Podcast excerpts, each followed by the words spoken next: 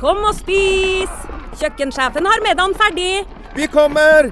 Vi skal bare Åh, det er da så morsomt her på Stiklestad! Ja, men sjøl en god viking må ha både mat og hvile.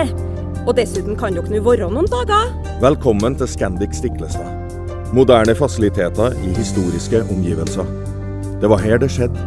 Det er her det skjer.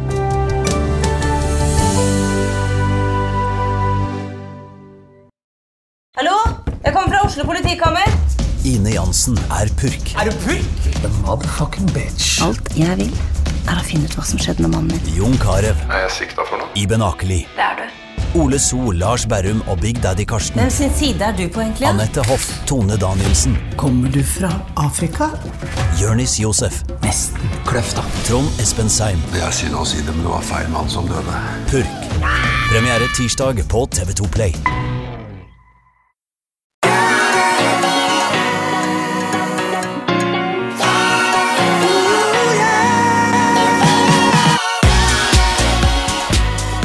Velkommen til podkasten Hjernesterk.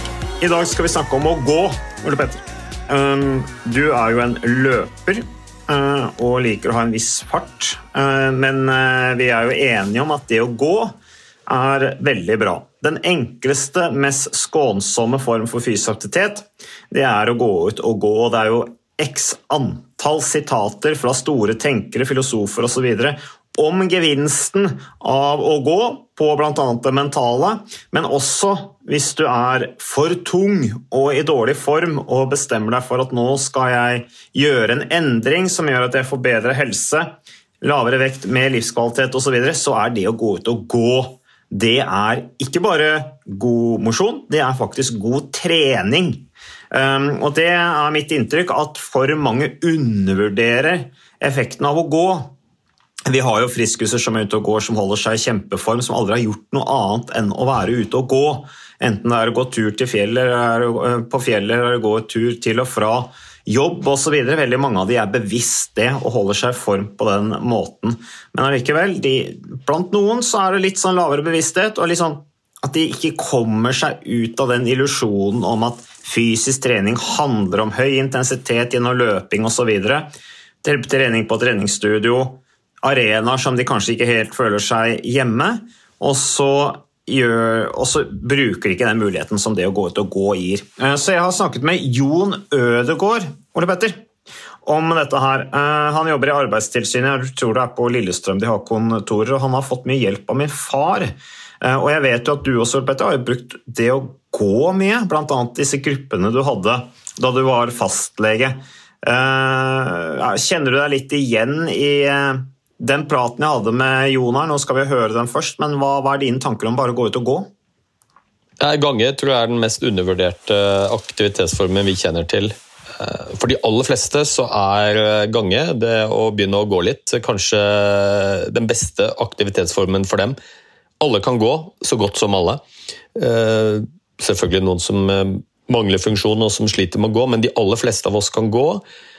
Det er sosialt, det er lettere å holde en prat gående enn når du går, enn når du kanskje er ute og løper. Lavterskel for å komme i gang.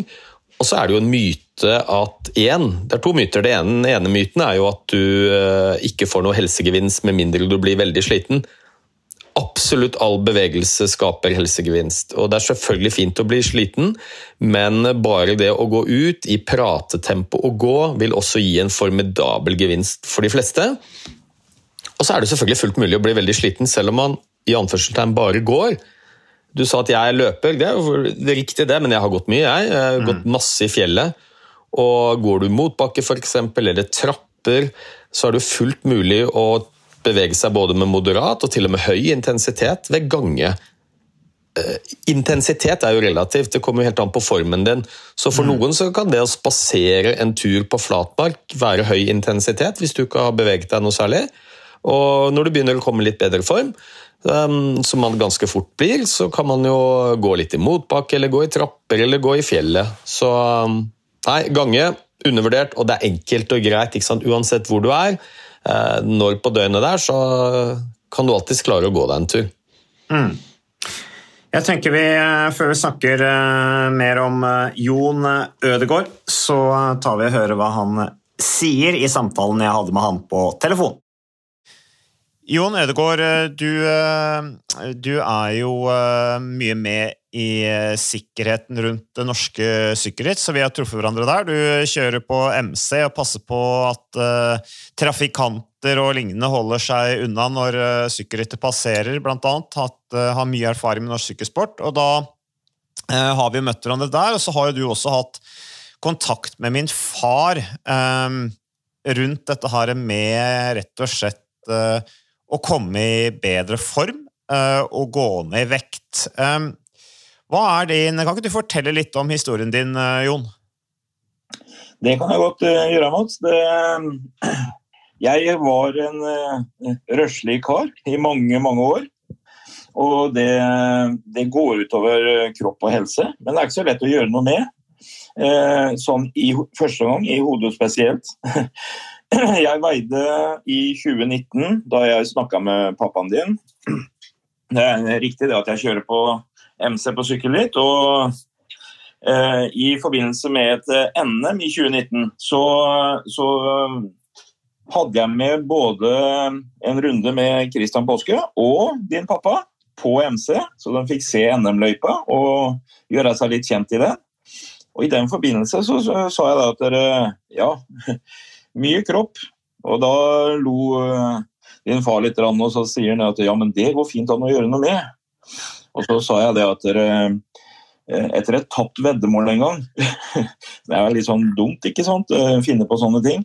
Da eh, var det det at jeg tapte veddemålet, måtte løpe Oslo Maraton. Og uten noe spesielt trening så, så er jeg egen. Og det gjorde at jeg løp faktisk på meg kneskader, så at jeg ikke kan løpe. Mm. Og det sa jeg jo også til din far, og da sa han at ja, men du kan jo gå. Eh, jeg skal være helt ærlig at dere, jeg tenkte liksom dette med å gå, ja, gå seg ned i vekt. Eh, du må jo løpe og drive masse sånn eh, veldig fysisk idrett for å kunne gå ned i vekt. Ja, det var det du det tenkte. Ja. Men uh, han overbeviste meg om at dette her kan vi gjøre noe med. Så vi holdt litt kontakten rundt det her, men i 2020, rundt august 2020, da uh, hadde vi en ordentlig prat om det. Og da var jeg motivert. Jeg veide da 157 kilo. Og det sier litt at jeg måtte begynne med noen tabletter og sånn, for at både blodtrykk og kolesterol og eh, blodsukkeret begynte å stige. Og det var liksom ting som ikke var noe særlig gøy å høre. Og din far overbeviste meg om at han kunne lage et eh, ja, program som jeg kunne følge. Og det var en litt aha-opplevelse, Mats, når jeg starta med det programmet. På grunn av det at jeg tenkte at ja, jeg skal det første Jeg kan ta bare sånn brått oppsummering. Det første jeg skulle gjøre, var å finne et sted der det var ålreit å gå. Mm. Litt hyggelig og koselig. For det også sa han at det var viktig. Ja. Bare gå etter fortauet, det går det òg, men uh, langs vei. Men uh, det er ikke så trivelig. Han ville helt sikkert ha deg ute i skogen, eller? Ja, mm. gjerne på grus eller uh, annet underlag. Ja. Og da skulle jeg gå i fem minutter som en slags oppvarming, og så skulle jeg finne en bakke. Ikke var for lang, men sånn passa bratt. Og så skulle jeg gå den opp fem ganger. Og da skulle jeg gå så raskt jeg orka, og så skulle jeg gå rolig ned igjen. Mm. Og etter det så skulle jeg gå i ti minutter. Ja, Så litt eh, oppvarming, litt intervaller, og så ned, nedgåing, rett og slett? Ja. Mm. ja. Men eh, jeg skal være så ærlig å si at de fem minuttene første, da var jeg rimelig sliten. Jeg kom til den bakken, så det ble ikke mer enn eh, var det to runder det ble første gangen. Ja, Så du var sliten nok bare ved å gå til bunnen av bakken? Jeg var det. Mm. Formen var elendig, det merka jeg jo da. Men det var jo bare å uh, ikke gi opp dette her. Og, og din far han hadde jo jevnlig kontakt, så jeg måtte jo følge med. Og sendte jo også mail til ham med, med, hva jeg hadde øka med, for eksempel. Da. Mm. Og etter 14 dager så gikk jeg fint i fem minutter inn til bakken. Jeg gikk seks runder opp og ned, og jeg gikk da 15 minutter tilbake. Eller runde da på 15 minutter. 14 dager, altså, så da merka du allerede 14 dager så merket du stor fremgang? Ja, jeg gjorde det. Mm. Og dette her var jo da Da gikk jeg tre kvelder i uka. Mm. Eh, men gjorde du det, det, samme på hver økt? For jeg vil vel tro at fattern kanskje ville at du skulle ha litt variasjon, eller gikk du den bakken de, tre dager i uka? Den bakken gikk jeg tre dager i uka, første 14 mm. dagene. Ja. Mm. Og så fikk jeg et nytt program der, vi, eh, der jeg skulle gå da i fortsatt fem minutter som en slags oppvarming. Og da skulle jeg gå eh, på et sted som gjerne var litt flatt. Ikke noe spesielt motstand. Mm. Det var for å liksom vekke kroppen. Og så begynte jeg med å gå fem minutter med kupert terreng. Og det var litt smart, for det skjønte jeg da etter et år senere. Mm. At uh, din far han er rimelig lur. Hodet vårt spiller uh, faktisk inn på en sånn måte at jeg går jo ikke intervaller før jeg går i bakken, tenker hodet mitt. Mm. Det at jeg begynner å gå i kupert terreng, er jo også intervaller. Ja, det er naturlig intervall. Ja, Lekbetont form for intervall, som min far sier. Ja, mm. og det tenker du ikke på når du er ute og går sånn, for du tenker at intervallene de er jo først i bakken. Mm. Derfor så tenker du ikke at å, nå skal jeg gå i intervaller og dette blir hardt. Det tenker du ikke på, for det blir en naturlig sånn eh, stigning i produksjon på det. Mm. Og for, bare for å ta liksom sånn kort videre, da, så har jeg øka det programmet. Jeg har variert på terreng, jeg har variert på bakker og lengder og bratthet. Ja. Og jeg tenkte at ja, bakkene, jeg må jo finne lengre og lengre bratte bakker. Men så var det det at jeg skulle plutselig gå en mye kortere bakke, som var kanskje veldig bratt. Men uh, gjerne ute i terrenget. At det var skogsbunn, liksom. Mm. Og det måtte ikke være en ordentlig sti, men hvis jeg fant en liten kolle, så kunne jeg gå opp og ned den. Ja. Og den kunne du bare bruke 20 sekunder på å gå opp og rolig ned. Men når du gjør det ti ganger, ja, da skal jeg si at det merker du i kroppen. Mm, ja, og så er det jo veldig fint å ha litt variasjon. da, Noen lengre bakker, noen kortere bakker. Noen dager hvor du bare bruker i naturlig intervall. Fattern er jo veldig sånn tilhenger av den form for variasjon. Og det høres, ja. jo, høres, jo, ut Jon, som at du har hatt litt sånn, at du blir litt sånn systematisk også etter hvert, når du satte i gang? Ja, jeg gjorde det. Jeg gjorde det. Og det var for at eh, jeg trengte å ha det programmet, og en som liksom eh, Rett og slett følg dette. Mm. Ikke tenk. Følg dette. Ja. Han var i starten. Var han streng med deg, eller, fatter'n? Var han streng med deg? Ja, eh, ikke i starten. Ikke ja. første liksom, tida. Men uh, når det hadde gått en måned, da, da så han at nå har du juksa litt, eller? Da har du ikke fulgt helt plan. Nei. For Da hadde jeg sagt at nå klarte jeg å gå åtte ganger opp og ned bakken. Ja, det var ikke meninga. det sto bare seks ganger. Og det var for at jeg eh, kunne gått da enda fem minutter lenger i kupert terreng. Jeg tenkte ikke på det fortsatt da som intervaller, men det var da jeg forsto, eh, når han forklarte det, at det, det er jo intervaller, det òg. Og Det er derfor vi legger inn den eh, biten med variasjon. Så at Nei, jeg eh, fra august 2020 til eh, august 2022 Det er en eh, periode Det første året så gikk jeg ned mest. Ja. Men på de to åra der sånn, så gikk jeg ned fra 157 til 120. Ja. Åssen er følelsen sånn i hverdagen nå kontra da? Ja, etter, fra, fra, 22 til 23 da, så gikk jeg ned enda 9 kilo. For at jeg har ikke gitt meg å gå. Nei. Jeg har ikke det programmet fra Jeg har programmet som jeg kan følge, øh, sånt men på en måte så lærte meg opp til å se muligheter. Se etter eh, steder å gå og bruke sjøl. Mm. Og, og, det har vært litt spennende. Så, så, sånn, som, øh, ja, sånn som i går, da. Da gikk jeg to kilometer. Jeg kan si litt sånn flatt, men det er jo ikke direkte flatt når du går to kilometer. Da hadde du måttet gå eh, fram og tilbake i en flat vei. Men, eh, men, eh, det er ikke mye kupert heller. Og så går jeg et intervall som er liksom ren intervall. Og da er det en litt lengre bakke. Jeg bruker en tre minutter å gå opp. Men eh, bakken er litt eh, bratt i starten, for at det er litt, er litt mindre bratt, og så er den litt bratt igjen. Og, og den har jeg gått opp da i 15-20 minutter. Og så går jeg i skauen etter der, i kupert terreng. Og også på sti. Hvor eh, mange dager i uka har du som mål å nå trene? For vi må kalle det trening, eller mosjonere, da. Um, Mosjonere. Ja, mosjonere. altså, hvor mange dager i uka har du planer om uh, nå å, å, å få mosjonert? Ja, men siste, ja, fra august og fram til nå så har jeg brukt to dager i uka. Mm. Og som uh, din far sa, at det lønner seg å ha minst én dag imellom. Ja.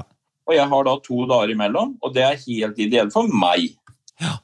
Det kan jo sikkert være variasjoner fra person til person, men, eh, men sånn som nå, da, så ligger jeg på 109 i vekt. Mm. Og når jeg ser tilbake, jeg hender det at jeg tar fram et bilde og ser på meg sjøl fra 157 kilo til 109. Eh, Det er én ting, men eh, jeg bruker jo ikke tabletter for eh, kolesterol og, og, og blodtrykk og sånt noe så mye lenger. Det er eh, også, eh, Det er én ting, men den andre tingen som eh, din far var veldig på, det er eh, eh, kjenn på humøret ditt etter hvert. Mm. Og det har jaggu meg snudd. Ja, Så du føler deg lettere til sinns etter å ha vært ute og, og mosjonert og med Ja. mestringsfølelse, regner jeg med, uten at jeg skal putte ord Ja. i munnen på deg? Men beskriv den følelsen, da. Hva, hva, hva har skjedd? Altså, hva, holdningen din til fysisk aktivitet, har, den, har, den, har det gått opp noen lys for deg? Det som har gått opp for meg, det er at eh, når folk snakker om trening, så er det veldig ofte sånn trening, ja da skal vi ut og sykle, da skal vi ut og løpe, da må vi stå på helsesenter og, og døtte jern, eller eh, løpe på tredemøller, eller ja, eh, sånt noe. Jeg har alltid vært glad i å løfte tungt, jeg også. Jeg har gjort det i min ungdom. Men, eh, men eh, ordet og begrepet trening er blitt noe nytt for meg. For jeg har aldri sett på det nå, nå bruker jeg feil ord rusle seg en tur.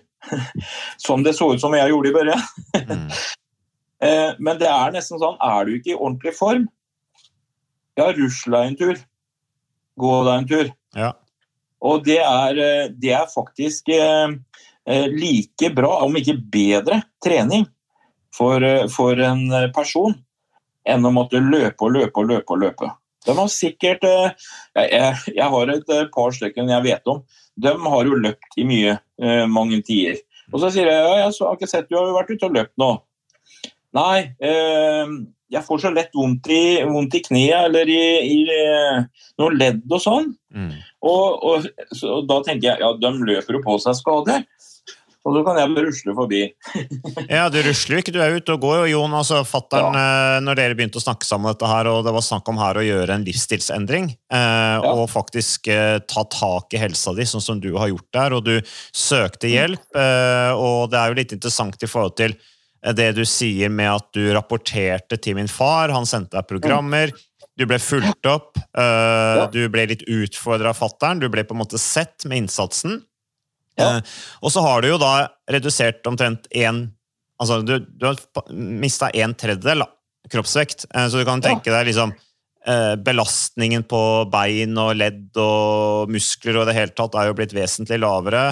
Eh, og det er klart, Hvis du skulle løpt med over 150 kilo, eh, på i tillegg eh, litt, kanskje litt på, på hard asfalt og sånne ting, så, så ville jo det bare vært ødeleggende. Så sånn sett så er jo gange det eneste riktige å gjøre. Og så er det jo veldig spennende det du sier der om at du har en, altså du har, har du slutta på blodtrykksmedisin? Er det Ja. det du sier? Ja, ikke sant? På grunn av fysisk trening. Av at jeg har eh, gått meg rett og slett ned i vekt. Mm. Og jeg tenkte det at ja, jeg har eh, opp gjennom tida prøvd å trene, jeg òg. Men da har det vært sånn der jeg løper på et tredemølle på helsesenter og, og døtte og dra på noe jern. Men eh, på, på mange PT-er som jeg har vært borti, der er det veldig sånn fokus på at du skal eh, varme opp, løpe på en tredemølle. Ja. Eh, klarer du ikke å løpe, ja ja, da får du gå. Men i hvert fall, du skal gå der i fem-ti minutter. Kvarter. Mm. Og så, når du har gjort det, så er det å begynne å stramme inn kroppen. Med å, du, da må du bruke vekter, og du må gjøre døm og døm øvelsen.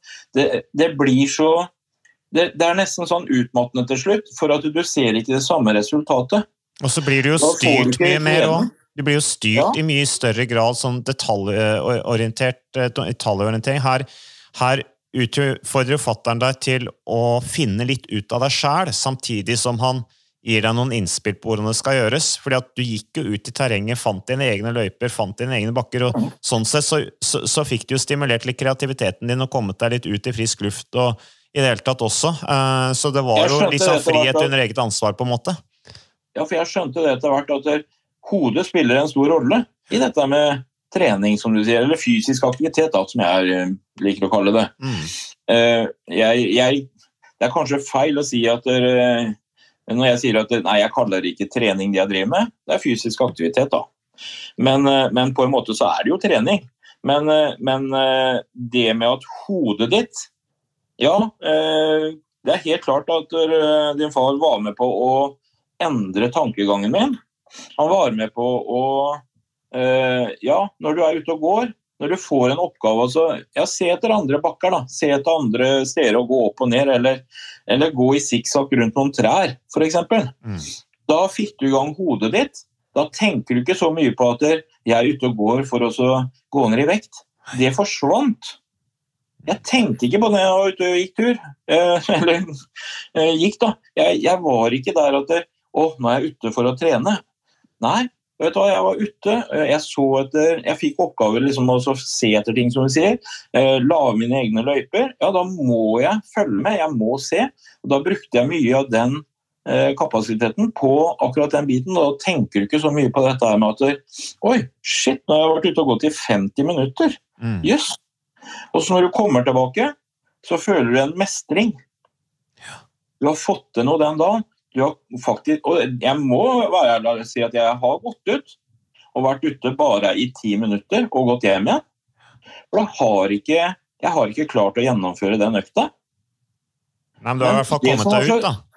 Jeg har vært ute i ti minutter, Mm. men det som var rart, det er at når du to dager senere skal gå ut, da er du motivert på en helt annen måte, for du skal ikke gå tilbake etter ti minutter. Da sier hodet noe helt annet. Så at, eh, da fikk du en helt annen eh, motivasjon. Det var ikke sånn at du ble irritert på deg sjøl, men du tenkte pokker heller, det skal ikke skje i dag. Og jeg tror det har med at eh, det er en kombinasjon, som eh, din far sa, at eh, det med å jobbe seg ned, eller jobbe seg opp i fysisk aktivitet, komme i form, det, det dreier seg mye også om hodet. Mm. Og det, det, det har jeg faktisk kjent på. Det har jeg. Eh, Sånn eh, tilbake til hodet og, eh, og det mentale. Altså, det fysiske her er jo helt fantastisk, det du sier her, Jon. Med, med bare gå ut og gå og bruke terreng og bruke de mulighetene. Altså, det er noe det er jo tilgjengelig for alle på mange måter, det du har gjort, men det skal gjøres allikevel. Du tok tak, og har, har jo fått det til veldig bra. Eh, I tillegg så har du også slutta på med medisiner, eh, som jo er kjempebra. Da slipper du bivirkning av det og alt det, alle de tinga der.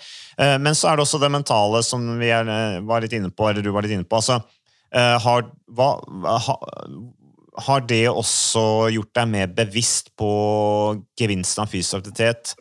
Følelsen din, du snakker om mestringsfølelsen. Har det gjort deg bedre humør?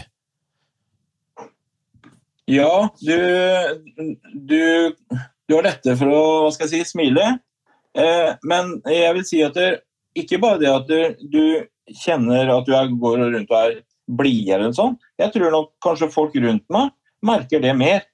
Men det jeg har merka, det er at jeg føler meg mer opplagt eh, i eh, Jeg har jo en jobb, hobby til, men også en jobb. Og jobben min det er eh, litt sånn todelt. Jeg sitter en del på kontor, men jeg er også fysisk ute og går i jobben. Og jeg, det er helt klart at når du føler at det, er ikke et slit å gå ute en times tid når du er i jobben. Ikke det at du går og går og går, i- går i en time, men du går litt, og så stopper du litt, og så går du litt og sånt noe.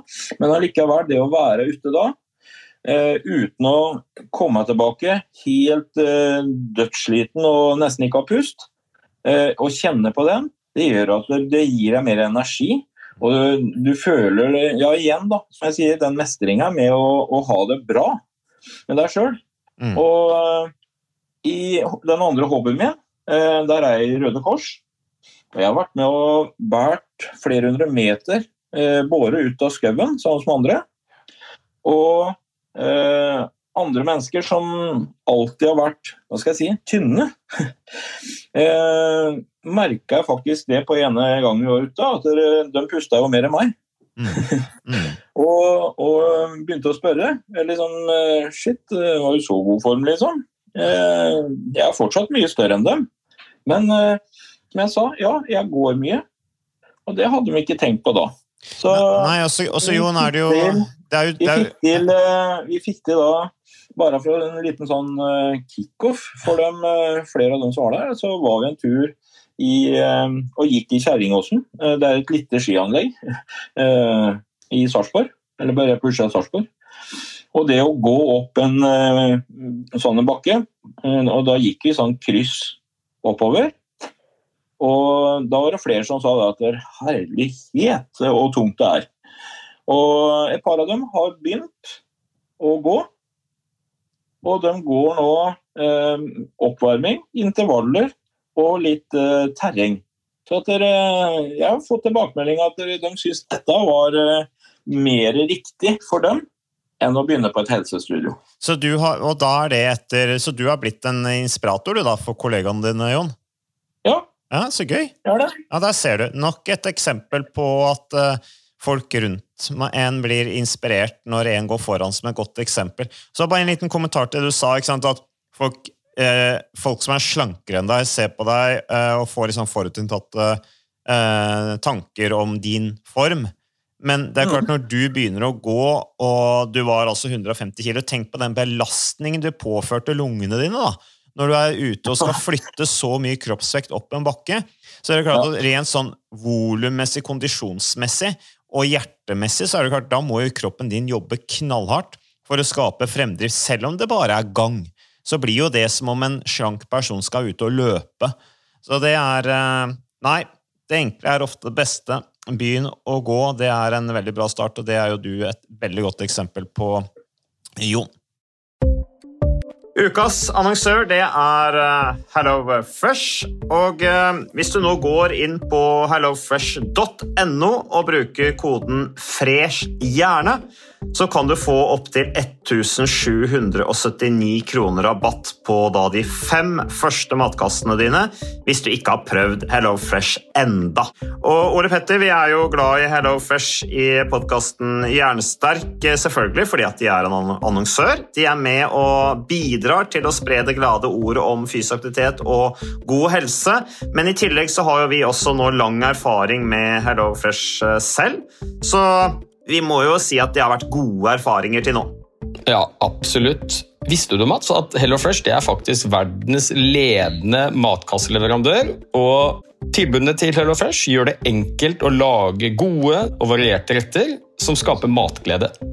Og matglede vet du, det er like viktig som hva du putter i munnen. Det å spise mat med folk du trives med. Så gjennom 25 nye og inspirerende retter hver uke så bidrar HelloFresh til dette. Du kan bestille ekstra porsjoner om du får gjester, eller hoppe over uke hvis du f.eks. skal bort. Og Det er ingen bindingstid, og du velger leveringstidspunkt og dag selv, så leverer HelloFresh matkassen din akkurat når det passer deg. Ikke dårlig, Mats. Nei, det er veldig bra. Så, øh, og dette er med enklere hverdag, det kan jeg nå skrive under på. For nå, forrige erfaring vi hadde forrige uke, Ole Petter, det syns jeg var Det var jo et gjennombrudd øh, for familien Kaggestad. For da lagde rett og slett barna De lagde middag og serverte middagen, så den var ferdig laget og servert da når eh, min kone Marita og meg kom hjem fra jobb. Og jeg mener Det var jo bare helt utrolig. Eh, Det var helt fantastisk. Det ble en nydelig middag. Riktignok de, de, de, de roter og søler litt, det gjør de. Så, men, men maten ble veldig god. De var veldig stolte over å kunne å ha både laget og servert maten, så det var helt fantastisk. Så vi har jo da i det siste så har vi eh, spist eh, bl.a. sitron- og dillstekt hyse med ovnsbakte grønnsaker og aioli. Eh, Vi har spist middelhavsinspirert kylling. Taco, så finnes det mange ulike typer taco. F.eks. vietnamesisk taco, som vi har spist. Thailandsk vegetargryte.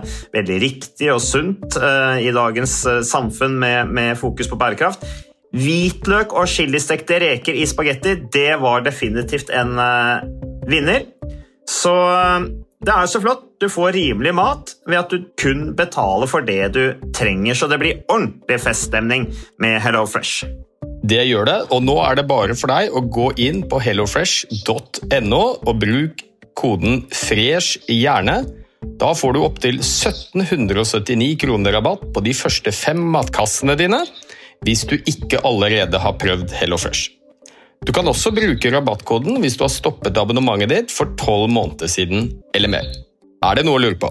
Håper maten smaker godt. Bon appétit! Det var eh, hyggelig å prate med Jon. Han, en, eh, han gir mye av seg sjøl. snakker åpent og har masse å, å fortelle. Eh, jeg syns det, er, eh, jeg synes det er litt spennende. Altså, han startet denne prosessen da, gjennom kontakt med min far sånn rundt 2019-2020. Veide 157 kilo eh, og har jo nå nesten da gått ned, altså redusert en tredjedel av eh, kroppsvekten siden da. Eh, Og det er litt sånn interessant å høre. Altså, han hadde et veddemål med en kamerat om at han skulle løpe maraton. Så gjorde han det, pådro seg en kneskade som helt sikkert ikke gjorde noe på motivasjonen, eller hjalp på motivasjonen for å begynne å mosjonere.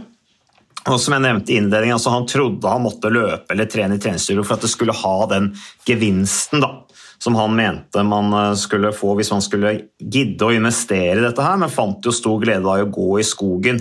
Og hadde jo stor fremgang også allerede etter 14 dager, sånn som vi har vært litt inne på tidligere, Petter, i tidligere podkaster, at hvor, hvor raskt formen kommer når man kommer i gang, som er kjempemotiverende. Han ble jo fulgt opp av min far, eh, som var eh, flink. Eh, så potensialet i Jon, gjorde min far. Da er fattern eh, han er gøy å hjelpe.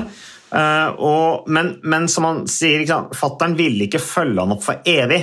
Fattern ville at han skulle bli Få evner til å kunne trene seg selv. Eh, Sånn som fatterns holdning til, til å være trener er. En treners oppgave er å bli overflødig, har jo alltid min, min, eh, min far sagt. Og var jo en slags sånn online coach da, ved at han rett og slett brukte e-post eh, og sendte programmet på den måten. Slutta på blodtrykksmedisin, opplevde stor mestring, Jon. Og i dag så er han også en inspirasjon da, for folkene rundt seg som sant, har lagt merke til den den endringen som Jon har skapt, og spurt om disse programmene som fattern har sendt, så videre, som er helt enkelt. Men hva forteller historien til Jonas, eh, Ole Petter? Jeg syns det er en veldig utrolig inspirerende historie. Nei, det, det forteller oss flere ting. Jeg tror en av de tingene det forteller oss, er at uh, det er ikke så mye som skal til til å begynne med. Altså, det å bare komme i gang og gjøre noe, og det kan være utrolig lite. Jeg tror det veldig mange gjør, som bestemmer seg for at de skal begynne å bevege seg litt mer eller ta tak i helsa si på et eller annet nivå. Så gjør de ofte kanskje litt mye, eh, litt, litt for tidlig. Som gjør at eh, det blir litt for stor forandring i livet. Eh, Man mister motivasjon, kan fort bli skada. Så det er det ene, at eh, legg lista lavt, bare gjør noe. Det spiller nesten ikke noen rolle hva det er for noe heller, om det er en rolig spasertur noen minutter noen ganger i uka. Helt supert. Og Så får du litt mestring av det, og så kan du bygge, bygge litt på. Det tror jeg er en viktig eh, ting man kan få ut av historien til Jon. Og det andre er jo det av viktigheten av å bli fulgt opp litt. Og det ser vi også når vi gjør forskningsstudier på det der, at vi er ekstremt gode på vi, Når jeg sier vi, så tenker jeg vi som jobber med dette, og jobber i helsevesenet f.eks. Eller om du jobber som personlig trener, eller hva det måtte være for noe, så er vi veldig gode til å fortelle folk rundt oss hvor viktig det er å bevege seg. Hvor viktig det er å spise sunt. Og, altså vi, vi gir masse informasjon. Den informasjonen er tilgjengelig for alle. Jeg, som sagt, alle vet det. Så jeg tror ikke det er der utfordringen ligger. Vi får ikke folk til å endre atferd bare ved å gi dem mer informasjon om hva som er de gode og riktige valgene å ta. Det vet folk fra før. Og så har de kanskje til og med dårlig samvittighet for at de ikke får det til. Mm. Så vi ser at det er mye større sannsynlighet å få til en atferdsendring, f.eks. bevege seg litt mer, hvis du har noen som følger deg opp. Eh, og det kan, det kan, være mange nivåer av følge opp. Det kan være noen nær deg, noen du trener med, som bare eh, kan være litt heiagjeng. Det kan være et familiemedlem. Selvfølgelig kanskje Det aller beste er å ha noen som er, er vant til dette, og som jobber med dette. Altså Sånn som din far. Mm. Eh, som, eh, som, er der og er litt innpisker og motivator. Det blir litt mer forpliktende, og du ansvarliggjør folk litt ekstra eh, når de blir eh, fulgt opp, faktisk.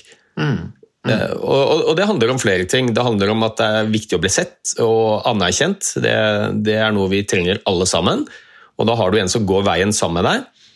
Du kan få litt praktiske råd, som din far jo selvfølgelig har masse erfaring med. Og ikke minst så er det det vi har snakket om mange ganger, at det er ingen som har lyst til å skuffe andre. Så hvis du får med noen som skal hjelpe deg og veilede deg, så, så, så vil vi jobbe litt ekstra for å få det til. For vi har ikke lyst til å skuffe den andre. Nei. Og så er det veldig kult, og de fleste tenker nok på din far som en uh, sånn elitecoach som bare har trent de aller beste Ingrid og Grete, Grete Waitz Ingrid Kristiansen og OL-vinner og VM-helter. Men um, jeg husker jeg snakket med faren din, og han sa jo det at uh, altså Han har jo jobbet veldig mye med vanlige folk, hvis vi kan kalle det det. Mm. Uh, også syke folk, uh, pasienter. Altså Det er jo enda større tilfredsstillelse når du kan få noen som har vært inaktive og syke, til å begynne å bevege seg litt. Komme i litt bedre form. Det er mer tilfredsstillende enn å få noen til å vinne New York Marathon. Mm. Ja, min far eh. har jo hjulpet uh, alle nivåer, som du sier. Uh, ja, ja. Og, og, og, med jobben på Modeba, dette her. Og, og, jeg har jo arvet en av de som for når min fatter ble syk, nå er han på sykehjem, så, så, han hjalp jo en person, jeg trenger ikke å si navnet hans her nå, men, men, men, men det som skjedde når min far var syk, var at vedkommende ringte til meg. For nå måtte jeg ta over. Fordi, og nå kunne ikke faren min følge han opp mer. så nå har jeg liksom samtale med han, da, og der er det også bare snakk om å gå ut og gå. Komme seg ja. ut og gå. Og jeg snakker med han, Er du flink til å trimme om dagen? sånne ting, Men jeg vil jo tro at Jon Ødegaard her, han var på en måte en del av sykkelmiljøet. Kjørte motorsykkel, passet på Dette var under NM, han var vakt under, under NM på landeveissykler eh, og, og passet på sikkerheten. og Han ble sikkert litt inspirert da, av å få min hmm. far, som har vært en profil i miljøet, som da plutselig engasjerte seg sånn i hans livsstilsendring da, og det å komme i form. Så det er klart at det var sikkert smigrende for, for Jon også, og inspirerende. Så, så det, er, det, er, veldig gøy. Uh, men, men, det enkle er, er, ofte det beste. Altså. Er du i dårlig form, sliter du med tung vekt, og det er som du sier også, Petter, altså, relativ Altså, intensitet er et relativt begrep. og det er klart Når du veier 150 kg, så kan du ikke løpe. Da, da, da, da, har du mer enn nok med å gå, men allikevel så brukte han her systematisk intervalltrening. Opp og ned bakker, brukte naturen og lagde seg eh, litt sånn systematikk i hodet i forhold til hvordan han skulle trene det. Både opp og ned bakker og så naturlig intervall med å bruke bakkene som, som naturlig intervall. Altså det, det er, og det er akkurat samme prinsippene som man bruker på toppidrettsutøvere. Det er bare at her er det snakk om å gå, og ikke å, å løpe. Det er en helt annen fart. Ja, ja. Men intensiteten ja. er sannsynligvis mye av det samme likevel. Ja, og det er, det er, veldig stor overføringsverdi fra det å trene toppidrettsutøvere til å følge opp eh, helt vanlige folk som bare har lyst til å komme seg litt bedre form for bedre helse. Eh, samtidig så er det nok noen forskjeller også. Eh, stort sett når du, når du driver og, og, er trevende for toppidrettsutøvere, så er jo de veldig selvdrevne. Det er jo ikke noe mangel på motivasjon. Du behøver jo ikke å, kalle det piske dem ut. Kanskje tvert imot, så er jo ofte en treners rolle heller noen ganger bremse, fordi de har lyst til å trene for mye og for hardt. Mm. Eh, så kan det være litt annerledes når det gjelder kall det vanlige folk. Hvor det kan være viktigere å få litt hjelp til å klare, klare å komme seg ut, faktisk. Mm. Og så er det jo utrolig mye forskjellig du kan gjøre. Jeg pleier å si det at altså Folk spør jo hva er den beste aktivitetsformen. Jo, det er jo den du trives med. Fordi hvis du ikke liker å løpe, du får vondt når du løper, ikke løp. Altså, og, og, du må gjerne gå. gå. Gange er det enkleste. For de som er spesielt tunge og har mange kilo ekstra, så er det jo også det å gå kan være en ganske stor belastning, bl.a. for ledd. Og det er fort gjort å bli skada. Da kan det være litt lurt å bytte litt. Eh, det finnes jo noen aktivitetsformer som er enda mer skånsomme enn å gå også. Svømme f.eks. Eller sykle. Mm. Hvor den vekten din kanskje ikke spiller så stor rolle lenger. Mm. Og det har iallfall jeg merket at de av mine pasienter som har det dårligste utgangspunktet, som kanskje har den høyeste vekten, og som syns det er helt utopisk å tenke at de skal kunne løpe. Det får de ikke til. Men de syns også det er tøft å gå. Så kan det å sitte på en spinningsykkel være veldig greit eh, som, som, en start. da. Mm.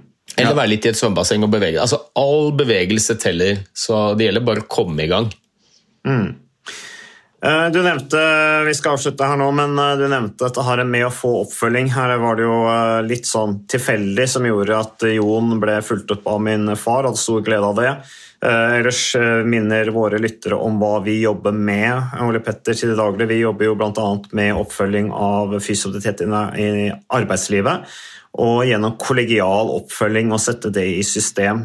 Det har stor gevinst på, på, mange ved at de rett og slett får folk rundt seg som heier litt på en og følger en opp. Og man blir sett gjennom det kollegiale miljøet med de helsegevinstene det skaper. Og så har vi også Avantas coaching, som er mot privatmarkedet, hvor Én ting Jon ble inspirert av min far, men her er det også mulighet til å finne kjente navn som har masse kunnskap og erfaring fra idretten, og kan, det kan bli din personlige trener. Ja, jeg har lyst til å si at I dag så er det jo så utrolig mange ehm, tekniske muligheter også for oppfølging som ikke nødvendigvis krever at man er fysisk til stede på samme sted. Sånn var det jo før. Hvis du hadde en trener eller en som skulle følge deg opp, så måtte du møte dem fysisk. Mm. Det var ikke noe særlig annen måte å bli fulgt opp på.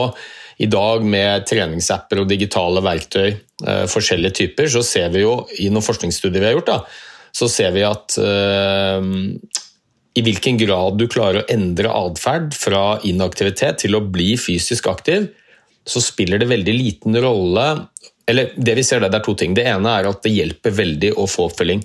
Mm. Uh, det er mer enn doblet sannsynlighet for å klare å bli aktiv hvis du har noen som følger deg opp. Så oppfølging og veiledning er viktig, det ser vi helt klart og tydelig. Eh, og så ser vi også at det spiller liten rolle om eh, oppfølgingen er fysisk eller digital eller en kombinasjon.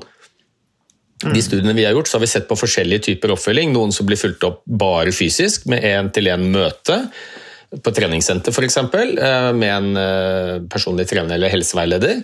Og så har vi sett på kombinasjonen av noe fysisk og noe digitalt, eller bare digitalt. Og, og graden av atferdsendring virker å være ganske konstant. Mm. Og Det er jo litt viktig å få med seg, både i hvilken grad det er fysisk mulig å få til den oppfølgingen, men også kostnadsbiten. Da. Det er klart det er rimeligere å bli fulgt opp hvis en del av det er digitalt, enn hvis alt er fysisk oppmøte. Ja. Ja, og Vi hadde jo bl.a. Abel som vi hadde med i eh, en episode for noen måneder siden som også snakket om dette. Du nevnte helseveiledere også, som, som er noe de eh, jobber veldig for å sette det mer i system, bl.a. i oppfølging av folk som er eh, sykemeldt. Så her er det masse muligheter for fremtiden. 2024 eh, blir spennende å se hvordan det utvikler seg, den delen av helsevesenet som har stort potensial. Takk til deg, Ole Petter, for eh, bidraget. Takk til lytterne våre, takk til Moderne Media, og takk til våre annonsører. Vi er tilbake med mer podkasten Jernsterk neste uke.